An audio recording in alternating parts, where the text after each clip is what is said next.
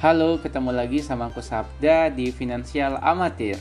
Seperti biasa, aku akan berbagi tentang personal finance dan kali ini yang akan aku sharing adalah cara menabung walaupun gaji kecil. Ngomong-ngomong soal menabung, itu merupakan impian banyak orang karena dengan menabung kita bisa meraih target finansial jangka pendek. Sayangnya, menabung itu nggak semulus yang dibayangkan. Alasannya beragam, di luar sana ada yang memang karena gajinya kecil atau ada juga yang sebenarnya gajinya besar tapi tetap aja nggak bisa menabung. Bisa jadi karena beratnya gaya hidup atau buruknya manajemen keuangan. Kalau kalian yang mana nih? Ingat ya podcast kali ini menabung untuk orang-orang yang punya gaji kecil. Aku udah siapin 5 langkah dan udah aku atur serunut mungkin. Jadi step-stepnya aku harap bisa kalian ikuti. Karena kalau kalian nggak bisa ngikuti step pertama kalian nggak akan bisa lanjut ke step kedua. Dan begitu seterusnya. Tapi sebelum lanjut ke cara menabungnya kayaknya ada yang harus kita luruskan dulu. Biar persepsi kita sama. Yaitu apa itu gaji kecil? Apakah mengenai nominal atau gimana karena aku berani bilang kalau yang misalnya gaji 5 juta bagi sebagian orang itu mungkin besar, tapi bagi seorang yang lainnya itu kecil. Kenapa? Karena pada dasarnya gaji besar atau kecil itu sifatnya relatif. Jadi yang digolongkan gaji kecil seperti apa ya? Kalau menurutku sendiri, gaji kecil itu adalah ketika kita membandingkan antara penghasilan dengan pengeluaran itu ya 11-12 lah. Tapi perlu digarisbawahi, pengeluaran yang dimaksud di sini adalah biaya hidup dan tuntutan pekerjaan. Ingat ya, biaya hidup dan tuntutan pekerjaan. Kalau gaya hidup nggak termasuk. Nah, aku bisa kasih contoh. Untuk yang biaya hidup misalnya, uh, misalnya ada si A single berpenghasilan 3,5 juta per bulan, kerja dan hidup di ibu, ibu kota. Ya, kita tahu lah di Jakarta itu serba mahal. Untuk tiga setengah juta biaya hidup, hmm, ya masih bisa survive. Cuma kalau untuk nabung mungkin masih bisa juga, tapi nilainya pasti kecil.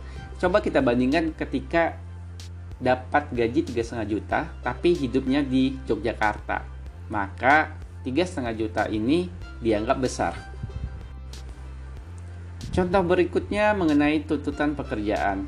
Ini misal ya, si B ini seorang wanita single bekerja di bidang jasa keuangan yang sering ketemu sama klien. Terus dia untuk nambahin rasa percaya diri, terus memberi keyakinan kepada klien, perempuan ini senantiasa berpenampilan sempurna dari ujung rambut sampai ujung kaki. Pakai skincare, makeup, pakaian, karena tuntutan pekerjaan jadi hampir ya banyak dari gajinya habis untuk untuk ini skincare makeup dan pakaian. Kemudian ketika kita bandingkan pengeluaran terhadap pekerjaan dengan penghasilan itu 11-12 maka kita bisa bilang gaji perempuan ini kecil Kesimpulannya, gaji kecil itu adalah jika kita bandingkan dengan tuntutan pekerjaan ataupun biaya hidup, penghasilan kita itu 11-12 sama beban ini. Itu aja. Nah, berangkat dari sini, kita udah satu persepsi apa itu gaji kecil. Next, kita akan lanjut gimana cara menabung untuk gaji kecil. Tips pertama, pastikan gaji lebih besar dari pengeluaran. Loh, kok gini? Iya, ini wajib dilakukan, walaupun terdengarnya konyol, karena nyatanya banyak orang di luar sana memaksakan diri menabung, padahal masih besar pasak daripada tiang. Terus apa yang mau ditabung kalau begini? Indikator gaji kita itu lebih besar dari pengeluaran, gampang. Kita nggak pernah berhutang untuk memenuhi kebutuhan hidup dasar seperti tempat tinggal, makanan, transportasi, dan tagihan lainnya. Nah, coba ingat-ingat lagi, kalian pernah nggak berhutang cuma untuk makan misalnya, atau transportasi, atau tempat tinggal. Kalau kalian masih berhutang untuk memenuhi kebutuhan dasar, sebaiknya lupakan aja soal menabung. Kalian fokus aja meningkatkan penghasilan dulu. Jadi indikatornya gampang ya. Kalau kalian nggak pernah berhutang, artinya penghasilan kalian lebih besar dari pengeluaran. Tips yang kedua, mencari nominal yang bisa ditabung. Nah, ini penting karena kita harus mencari nominal berapa, nilai uangnya berapa yang sebenarnya bisa kita tabung. Kalau ini memang kita harus melakukan perhitungan.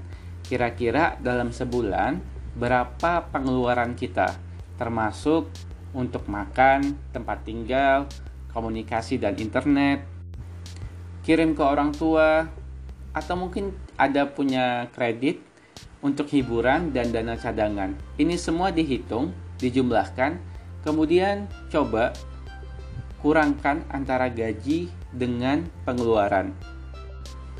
Tapi perlu diingat ya, berapapun nominalnya, meskipun cuma 50 ribu rupiah, inilah nilai yang akan kita tabung.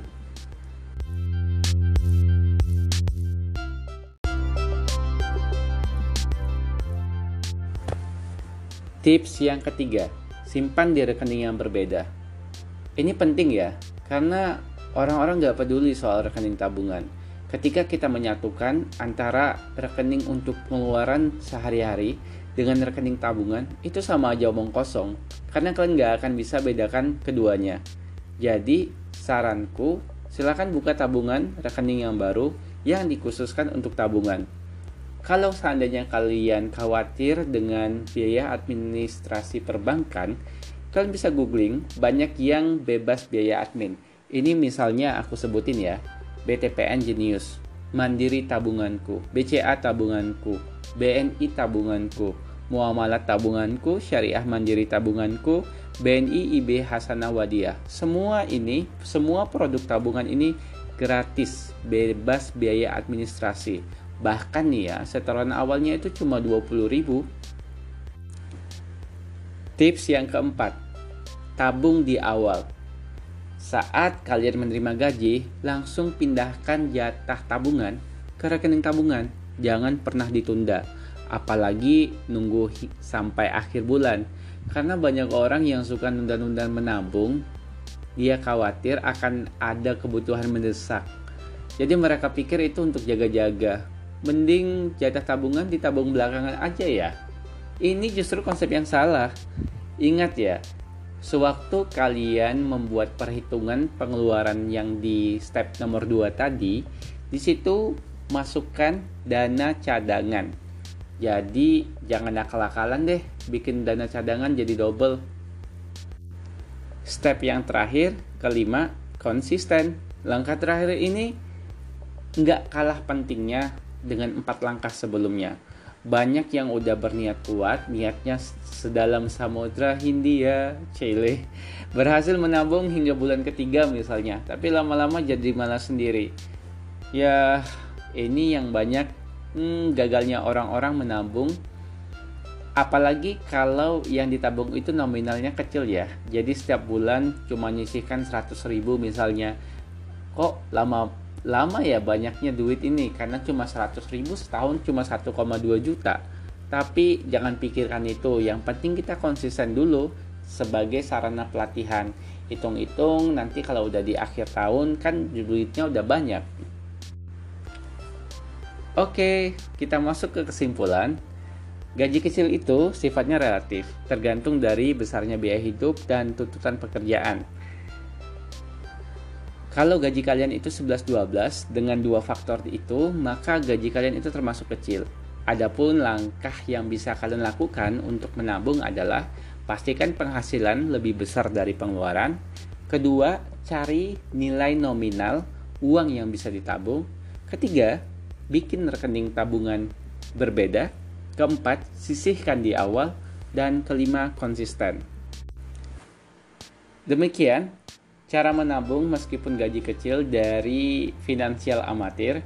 Semoga tips ini bermanfaat dan bisa kalian realisasikan. Selamat menabung. Bye.